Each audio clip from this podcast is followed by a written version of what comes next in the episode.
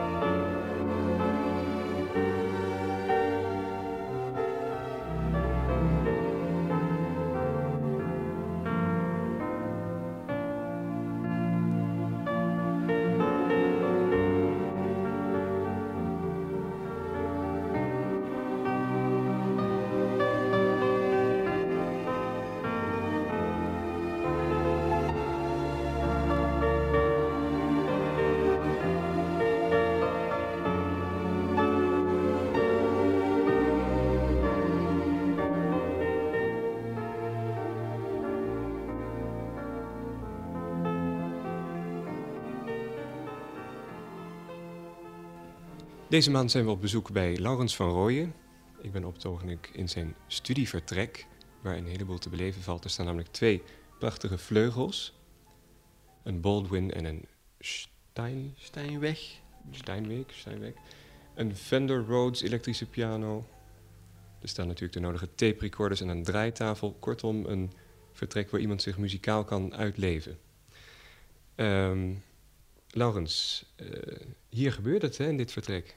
Ja, um, hier gebeurt het wat betreft de muziek. Um, eigenlijk wordt uh, deze ruimte um, voor niets anders gebruikt. Want nu je, dat, nu dat zo zegt, bedenk ik me, bedacht ik me net, dat... Uh, nou, oké, het is een muziekkamer. En uh, maar iets anders gebeurt hier eigenlijk nooit. Want we zitten hier bijvoorbeeld nooit te kaarten. Nou kaart ik nee. toch niet, maar stel dat ik, dat ik dat zou doen, dan zou ik dat hier geloof ik niet doen. Dan is dat hiernaast of zo. Maar uh, dat betekent ook uh, wel dat ik uh, de hele dag hier, hier, bezig ben. Het begint meestal s ochtends om een uur of tien of elf. En dat gaat dan de hele dag door. En de hele avond ook door, door tot een uur of elf. Dus ik ben eigenlijk wel zo'n twaalf uur per dag hier bezig met ja, alles wat, wat met muziek te maken heeft. En dat is um, heel veel in mijn geval, omdat ik. Um, ja, kijk, ik moet me sowieso dwingen om niet nog tientallen andere dingen te doen die ik ook verschrikkelijk leuk vind. En hmm. die ik ook, uh, uh, uh, zoals bijvoorbeeld in de tuin of lezen. Of met mijn zoontje uitgaan en allerlei spelletjes gaan bedenken. Uh, er zijn nog wel een aantal dingen te, te noemen. Maar goed, dat, heb ik, mm, dat is dus een discipline, zo heet het eigenlijk ook, hè, een discipline. Ja. En uh, daarin uh, ben ik ook met wel veel dingen bezig. Ik speel graag. Ik kan bijvoorbeeld uren piano studeren en spelen dat het nog mooier en perfecter is. Mm -hmm. Dat doe ik ook. Maar er moet ook worden gecomponeerd voor uh, allerlei dingen, platen en ehm, filmmuziek bijvoorbeeld. Ik ben nu bezig op dit moment met het voorbereiden van een uh, tournee. Met een orkest ga ik op stap. Er worden tien concerten gedaan in Nederland, in de Schouwburgen. Eentje in België. En um, dat is uh, een hele voorbereiding, want ik moet al die stukken natuurlijk spelen. Er zitten ook een paar solo-stukken in die ik alleen doe. En die een beetje tricky zijn. Dus uh, waar je dus behoorlijk bij uit de bocht kan vliegen. Dus je moet je extra trainen, want dat is het eigenlijk, om eh, te zorgen dat het in orde is. Nou, verder moeten alle stukken voor het orkest, voor alle violen, strijkers, uh, fluit, hobo, partituur voor de dirigent moet in orde zijn. Dus dat is de afgelopen maanden van de zomer is dat uh, bewerkelijke toestand geweest. Ben ik nu, gisteren heb ik het laatste stuk uitgeschreven, dat is nu af. En moet eigenlijk alweer gaan beginnen aan een nieuwe LP. Heb ik, is gevraagd een plaat die in maart gaat uitkomen. En eigenlijk was ik van plan om daar volgend jaar aan te gaan beginnen. Maar er is een verzoek gekomen van de platenmaatschappij of dat al eerder kan. En niet alleen van de platenmaatschappij, maar ook van een muziekuitgeverij in Japan. Shinko heet die. Want die uh, muziekuitgeverij gaat met een Japanse platenmaatschappij eh, LP's in de regio Japan uitbrengen. Dat is Japan, uh, Korea, uh, Filipijnen en, nog iets. Mm, mm. Nou, dat, um, daar ga ik dus ook aan beginnen. Dat moet ik ook gaan doen. Om al die dingen te kunnen doen, moet je toch wel een vrij strakke werkindeling hebben. Of doe je alles door elkaar? Hoe gaat het op zo'n dag?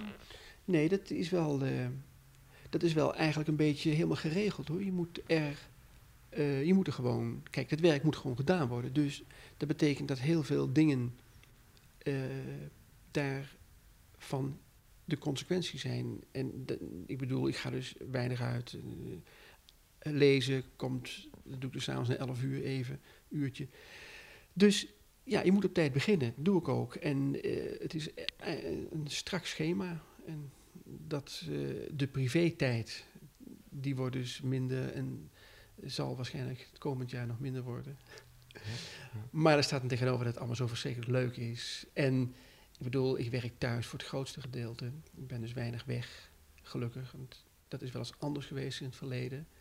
Toen ik nog uh, optrad met de groep van Herman van Veen, mhm. hadden we uh, zowel zomers als zwinters optredens, dus vijf à zes per week. En dat is bijna tien jaar doorgegaan. En het begon mij zo ontzettend gruwelijk te vervelen om voortdurend onderweg te zijn, of in de auto of in de schouwburg en dan weer s'nachts laat thuis. Terwijl je dus aan je, aan je persoonlijke ontwikkeling niet meer toekomt. Want dat is allemaal technisch. Wat ik, hè, dus uh, repetities in de auto, soundcheck, uh, optreden. Dat, dan doe je te weinig aan je muzikale ontwikkeling. Dus daar is een punt achter gezet. En ik zal even de deur open doen. Daar komt koffie aan.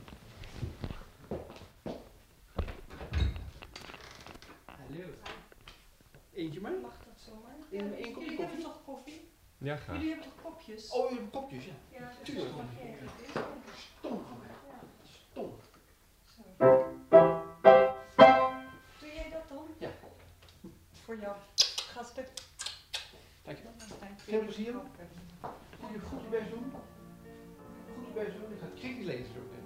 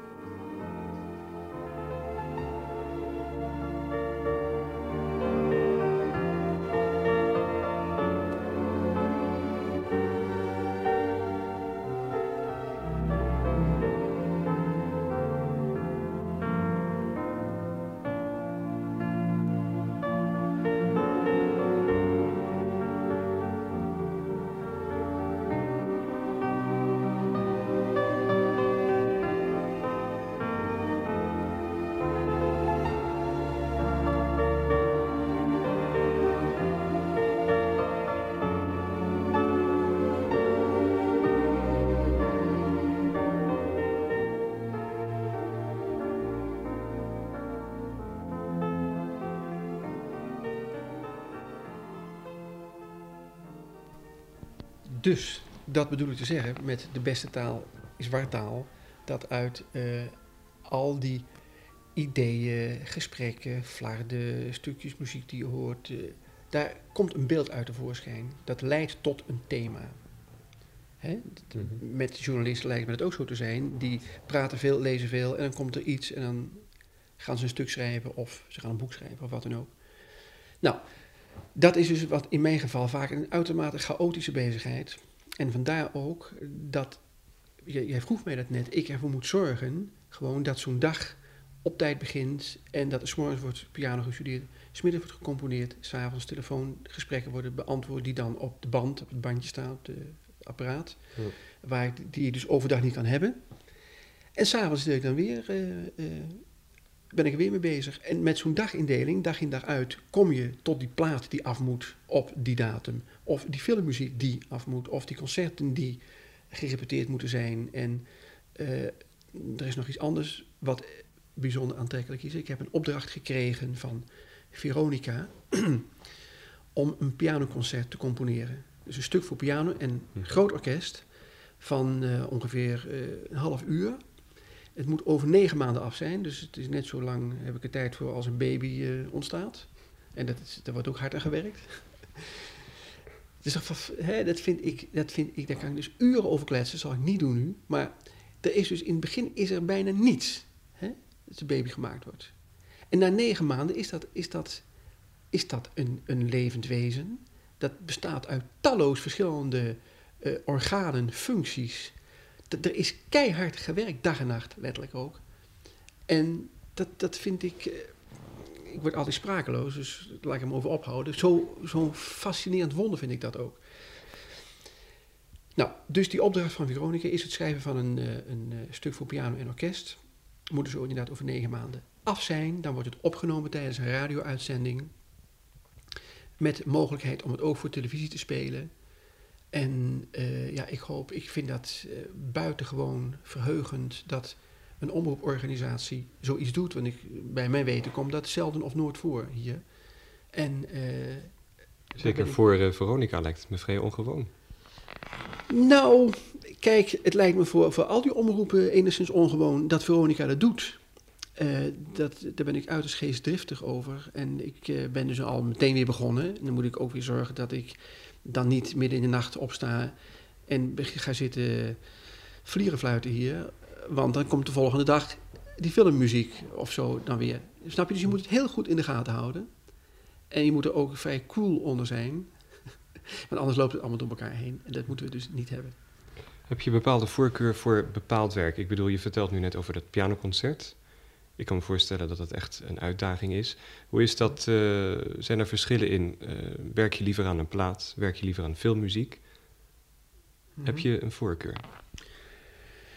Een, eh, het heeft allemaal zijn eigen bekoring. Een plaat maken heeft de bekoring dat de piano centraal staat. En dat daar melodie uit moet komen. En dat het orkest daar een aanvulling op is. Bij filmmuziek is het dan weer anders, want dan is het de film, dus de beelden of de dramatische handeling, die eh, het belangrijkste is. En de muziek moet daar een, een aanvullende functie op hebben, moet dus een bepaalde spanning kunnen accentueren of moet een bepaalde eh, eh, ontspanning in de film kunnen opvullen met, met, met muzikale beelden, met beelden die je vanuit de muziek ziet. Maar moet dan ook nog, als, als er een plaat van wordt gemaakt, en het is bijvoorbeeld met een vlucht regenwulp het geval geweest, moet dan ook nog zonder de film de moeite waard zijn om naar te luisteren. Dus het is weer een heel ander soort uitdaging en ik vind het allebei heel leuk om te doen.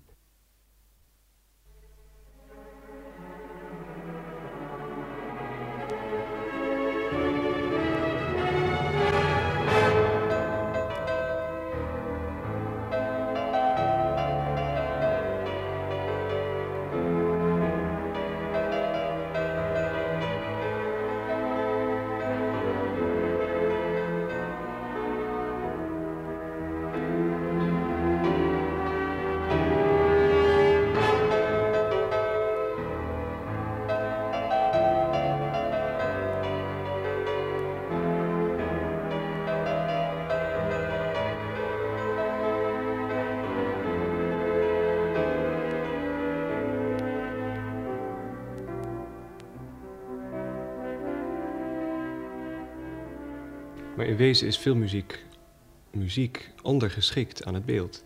Vind je dat niet een, een frustrerend iets? Ehm, dat ehm, zou een frustrerend iets kunnen zijn als ik niet van meet af aan de afspraak heb gemaakt met producenten en regisseurs dat ik eh, iets meer denk te kunnen en in ieder geval iets meer wil dan alleen maar ondergeschikte muziek maken.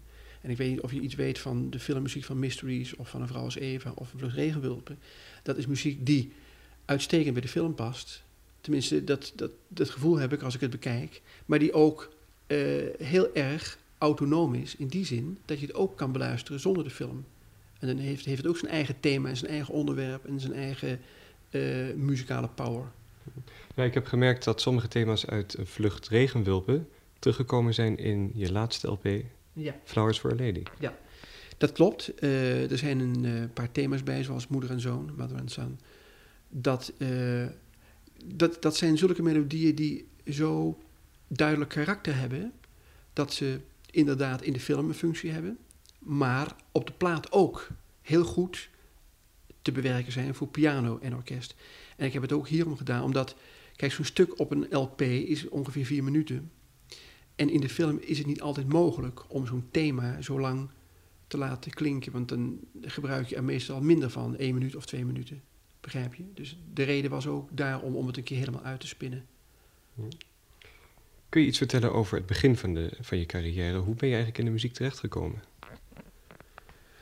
Dat ehm, is niet helemaal gepland geweest eigenlijk, want eh, ik was eh, heel jong toen ik eh, er al eigenlijk totaal van ondersteboven was van muziek. Dat ben ik nog steeds hoor. Het kan mij enorm opwinden en, en me ook helemaal volledig uitputten.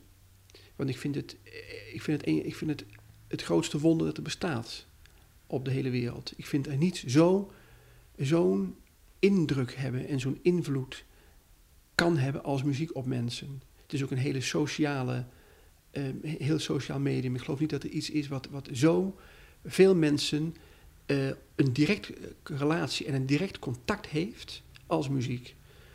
Dus ik was er als, als eh, baby kennelijk al helemaal ondersteboven van. En als jongetje eh, danste ik en zong en eh, was daar eh, hevig mee in de weer. En mijn vader zag dat.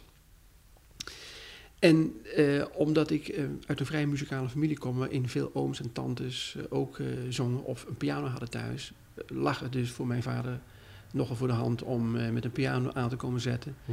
En dat ding werd eh, het huis ingedragen. En vanaf het moment dat ik, eh, er zaten allemaal doeken en dekens omheen, dat ik uiterst nieuwsgierig eronder kroop, ben ik zo ongeveer ook niet meer vandaan te slaan geweest. En het is, eh, zo is het eigenlijk begonnen. Ik kreeg meteen les en ik, ik was al uren per dag bezig. En eigenlijk doe ik nu nog precies hetzelfde als wat ik toen deed. Maar dan wat meer en uitgebreider. Maar het is niks veranderd.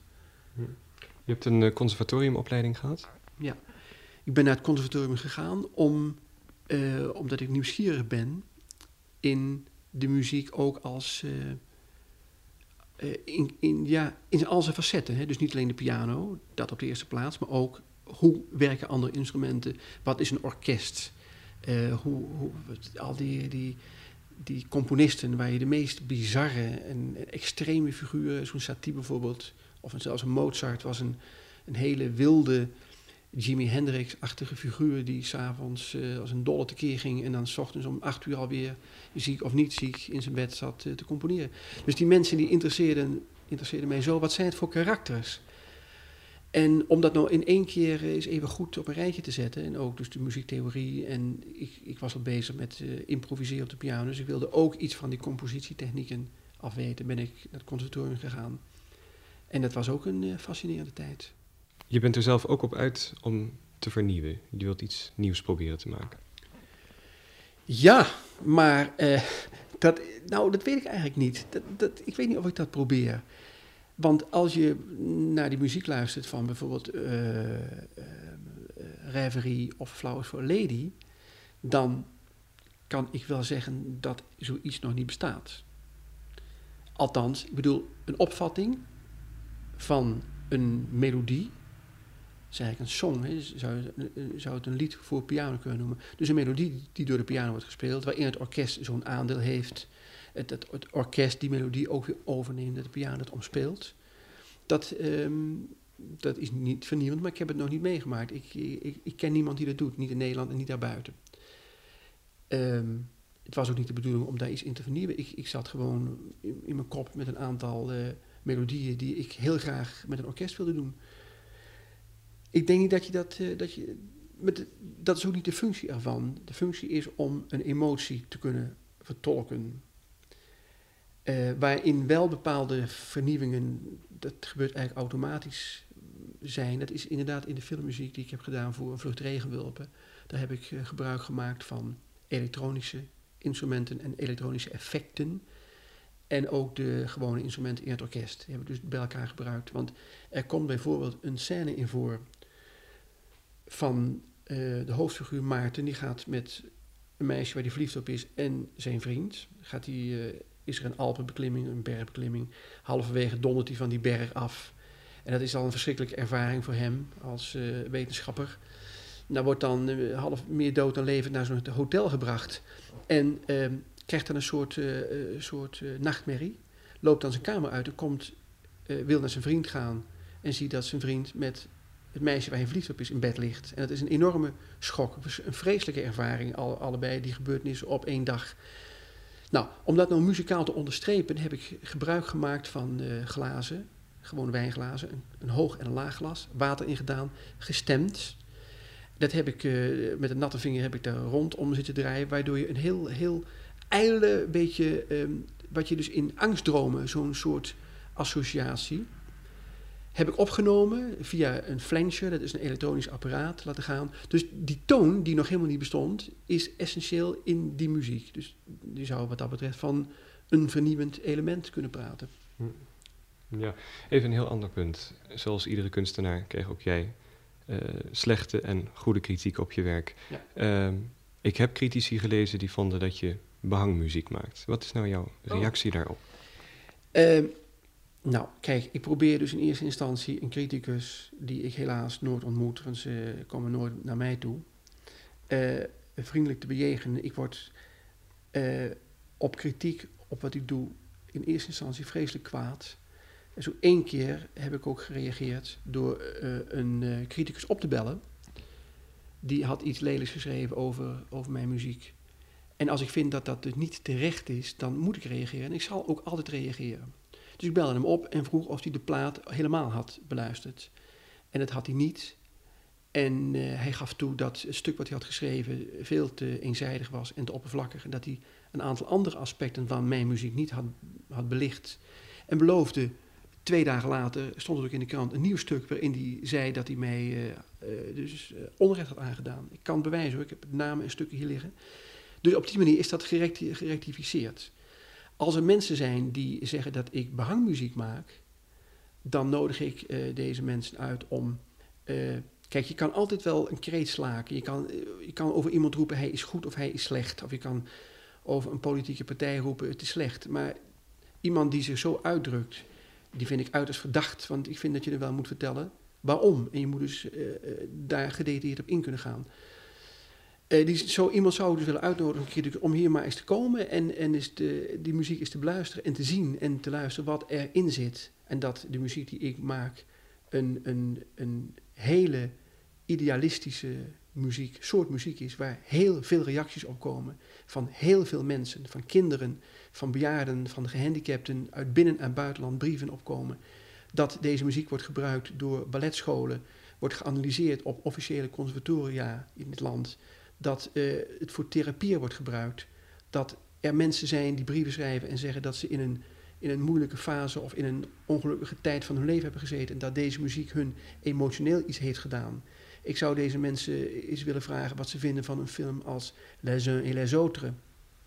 Wat gaat, wat een hommage is aan het Internationale Rode Kruis. En wat eigenlijk over een aantal eh, eh, eh, gezinnen gaat en mensen die eh, via een oorlogssituatie met elkaar in contact komen, het gedeeltelijk wel, gedeeltelijk niet overleven. Ik bedoel, dat is wat mijn muziek ook is. Het is een, het is een overbrenging van een emotie.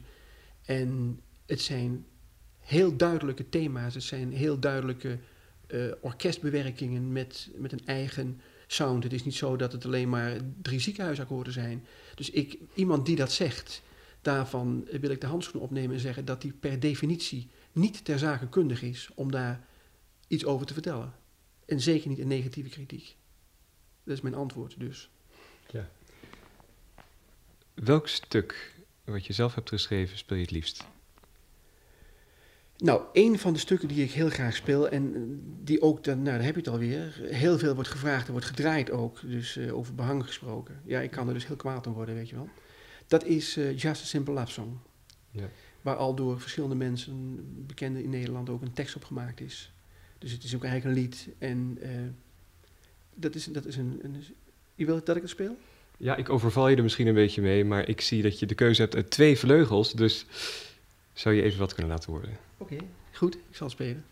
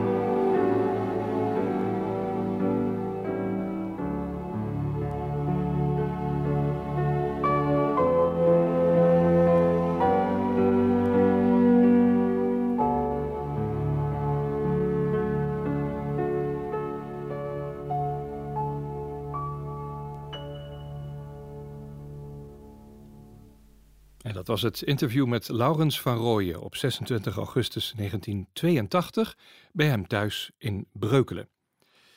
Ja, een grappig detail is dat er in zijn muziekkamer een elektronisch uh, toetseninstrument stond dat nogal mijn aandacht trok. Voor de kenners, een Fender Rhodes 73. Een instrument met een uh, toen heel populaire sound. En ja, eigenlijk is dat ook weer teruggekomen, want zo gaat dat met uh, muziek. En ik weet nog dat uh, toen Laurens mijn verlekkerde blik zag, uh, hij zei dat hij uh, die Fender best aan mij wilde verkopen, want dat hij er eigenlijk toch niks mee deed. Nou, dat was niet tegen Dovermans oren gezegd natuurlijk. Ik heb hem gekocht, ik heb er nog jaren met heel veel plezier op gespeeld. En om het geluid te versterken, heb ik er ook nog zijn Fender Twin Reverb gitaarversterker bij gekocht, die overigens daarvoor eigendom was geweest van niemand minder dan Jan Akkerman. Zijn naam stond nog op een sticker in die versterker geplakt. Ja, dat is mooi natuurlijk, hè? Daar gaat een uh, muziekhart sneller van kloppen. Maar inmiddels heb ik die mooie spullen niet meer in mijn bezit en heel eerlijk gezegd heb ik daar soms best een beetje spijt van. Maar goed. Laurens van Rooyen heeft na onze ontmoeting in 1982 nog heel veel mooie dingen gedaan. Te veel om op te noemen. En zijn muziek wordt in vele landen gewaardeerd en op de radio gedraaid tot in de Verenigde Staten en het Verre Oosten aan toe. En ook in ons land zijn zijn verdiensten uh, voor de muziek bepaald niet onopgemerkt gebleven. In 2014 uh, heeft hij een koninklijke onderscheiding gekregen. Hij werd toen ridder in de orde van de Nederlandse Leeuw. En naast al zijn muzikale activiteiten heeft uh, Laurens ook nog een aantal boeken geschreven. Het laatste in 2015, getiteld Beethoven was ook een ZZP'er. Tot de volgende podcast.